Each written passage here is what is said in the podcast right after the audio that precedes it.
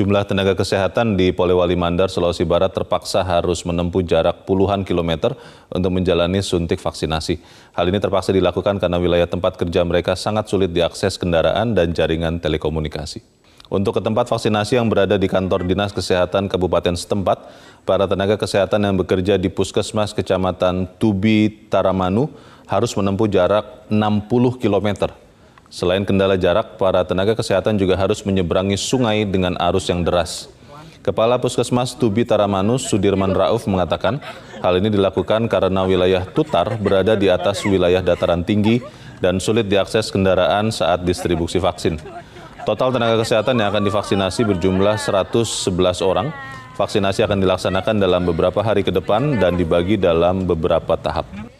Dalam percepatan program vaksinasi, Presiden Joko Widodo menyampaikan Indonesia akan menerima vaksin AstraZeneca sebanyak 4,6 juta dosis. Presiden juga mendorong adanya penambahan 9 ribu tenaga vaksinator yang disebar secara merata di daerah. Hal ini disampaikan Presiden dalam pertemuannya dengan pemimpin redaksi media massa nasional di Istana Merdeka, Jakarta. Jokowi menyampaikan vaksin AstraZeneca yang diperkirakan tiba dalam dua pekan ke depan. Vaksin produksi AstraZeneca berasal dari Inggris yang sudah mengantongi izin guna terhadap orang lanjut usia. Namun pemerintah masih membahas kemungkinan penggunaan vaksin AstraZeneca yang terpusat di satu daerah karena vaksin ini memiliki interval 1 hingga 2 bulan. Berbeda dengan vaksin Sinovac yang hanya berjangka waktu dua pekan antara dosis pertama dan kedua. Usai terendam banjir, jalur rel kereta api di Kecamatan Cikarang Timur, Kabupaten Bekasi, Jawa Barat, kini tengah dalam perbaikan. Ruas jalur rel kereta api di kilometer 54, tepatnya di Desa Kosambi, Cikarang Timur, Kabupaten Bekasi, Jawa Barat, yang sempat terputus akibat terendam banjir pada minggu kemarin. Jalur rel mengalami kerusakan yang cukup parah. Kondisi bantalan rel hilang tersapu oleh derasnya air. Tidak hanya itu, batu kerikil yang berguna sebagai penyangga juga hilang sehingga besi rel kereta melengkung. Petugas pun berusaha untuk memperbaiki rel yang rusak dan akibatnya jadwal perjalanan kereta api jarak jauh dari DKI Jakarta menuju Jawa atau sebaliknya terpaksa dibatalkan. Ya pemirsa, pasca terendam banjir, sejumlah rel jalur kereta api Daop 1 mengalami kerusakan dan tengah dalam perbaikan. Salah satunya jalur rel kereta api yang ada di stasiun Lemah Abang, Cikarang, Bekasi, Jawa Barat. Untuk mengetahui kondisi terkini, kita sudah tersambung dengan Alivia Anandita di stasiun Lemah Abang. Ya selamat pagi, Alivia. Bisa Anda jelaskan bagaimana situasi terkini di stasiun Lemah Abang? Sejauh ini menurut pantauan kami memang stasiun Lemah Abang saat ini tengah melakukan perbaikan untuk jalurnya sendiri dan juga tadi telah dilakukan uh, uji coba ataupun yang dilakukan oleh alat berat untuk melihat apakah sudah bisa ataupun sudah bisa mulai untuk dilakukan perjalanan. Dan sejauh ini juga masih terus dilakukan uh, pantauan dan juga uh, upaya yang maksimal dari PT KAI dan hingga hari ini juga masih belum dilakukan operasional maupun aktivitas yang tengah dilakukan oleh uh, dari stasiun KAI di stasiun Lemah Abang sendiri. Dan kemarin memang karena curah hujan yang cukup tinggi dan juga banjir serta intensitas yang belum surut, memang di kilometer 54 plus 500 dan juga kilometer 50 di uh, plus 100 memang telah dilakukan perbaikan karena memang adanya luapan dari tanggul di Pupuk Kujang dan juga untuk tanggul Walahar. Nah itu yang mengakibatkan terjadinya banjir di stasiun Lemah Abang kilometer 54 dan juga 55. Kemudian memang telah dilakukan pengalihan arus oleh pihak KAI. Yang pertama dilakukan pengalihan arus yakni dari stasiun Gambir. Jadi masyarakat yang hendak melakukan perjalanan ataupun keberangkatan jarak jauh melalui stasiun Gambir dialihkan ke stasiun Cikampek kemudian baru bisa menuju ke Balapan Solo dan juga Surabaya Turi. Sedangkan untuk bagi masyarakat yang hendak melakukan perjalanan melalui pasar ataupun stasiun Pasar Senen, masih belum tidak bisa melakukan perjalanan dan terpaksa dibatalkan dan bagi masyarakat yang telah membayar administrasi untuk perjalanan jarak jauhnya bisa uh, dikembalikan oleh KAI 100% dan sejauh ini KAI masih terus memantau adanya perbaikan dan juga pemulihan jalan di kilometer 54 500 dan juga 50 plus 100. Ya Alivia, untuk perkiraan proses pengerjaan atau perbaikan ini berapa lama, Alivia?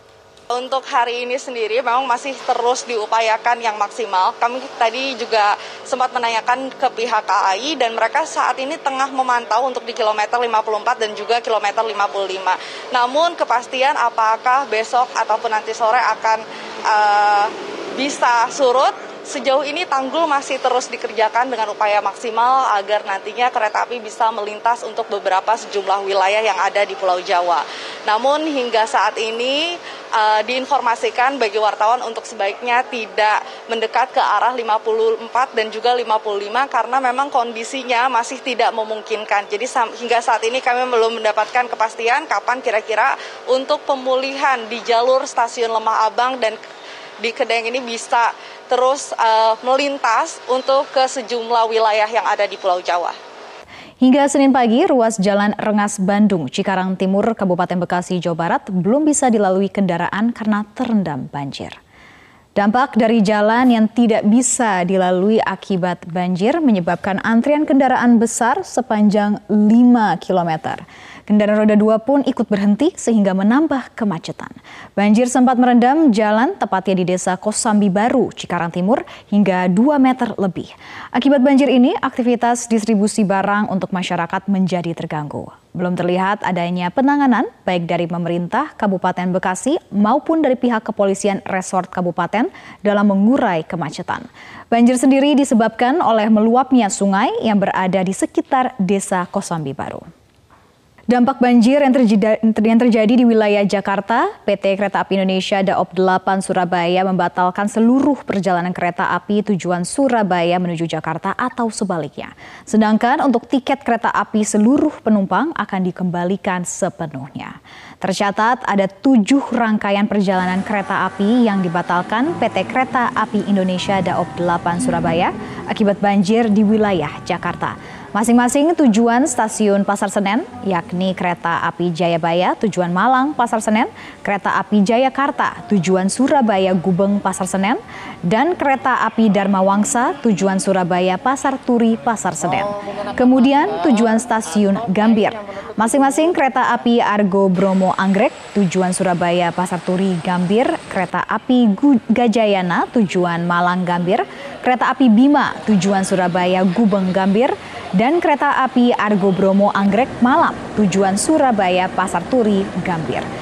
Manajer Humas KAI Daop 8 Surabaya Lukman Arif mengatakan banjir tersebut menggenangi jalur kereta api di lintas Kedung Gedah, Lembah Abang, Kabupaten Bekasi di kilometer 55 plus 100 hingga kilometer 53 plus 600 dengan ketinggian air mencapai 150 cm di atas koprel.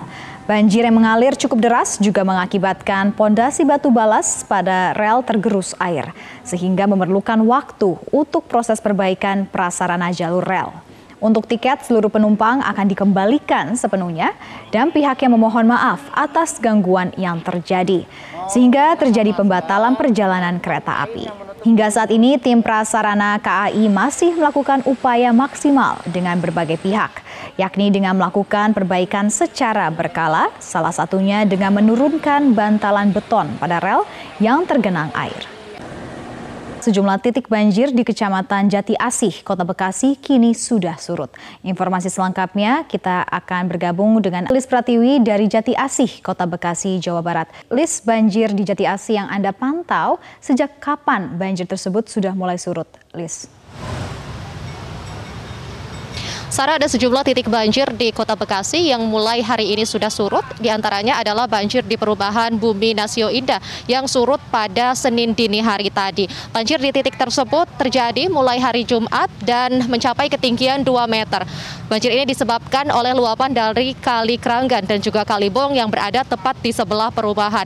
Kendati banjir cukup tinggi, namun pada saat banjir terjadi ada sekitar 180 warga yang memilih untuk bertahan di kediamannya masing-masing. Sementara itu banjir di titik lain, tepatnya di perumahan Pondok Gede Permai, sudah lebih dulu surut, yakni pada hari Sabtu dini hari. Banjir di titik ini juga sempat mencapai ketinggian 2,5 meter dan saat ini sudah sepenuhnya surut, meski menyisakan endapan lumpur yang cukup tinggi, baik di jalan maupun di dalam area rumah warga. Banjir ini disebabkan karena curah hujan yang tinggi dan diperparah dengan jebolnya tanggul yang berada tepat di belakang pemukiman warga sehingga arus deras ini mengalir ke perumahan dan menyebabkan banjir yang terjadi pada Jumat dan Sabtu lalu.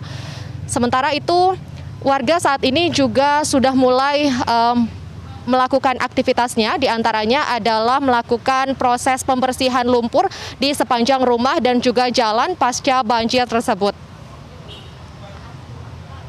Sarah. Ya, Liz, lalu bagaimana dengan aktivitas warga di sana? Apakah masih ada pasien COVID-19 yang sedang isolasi di rumah pasca banjir tersebut?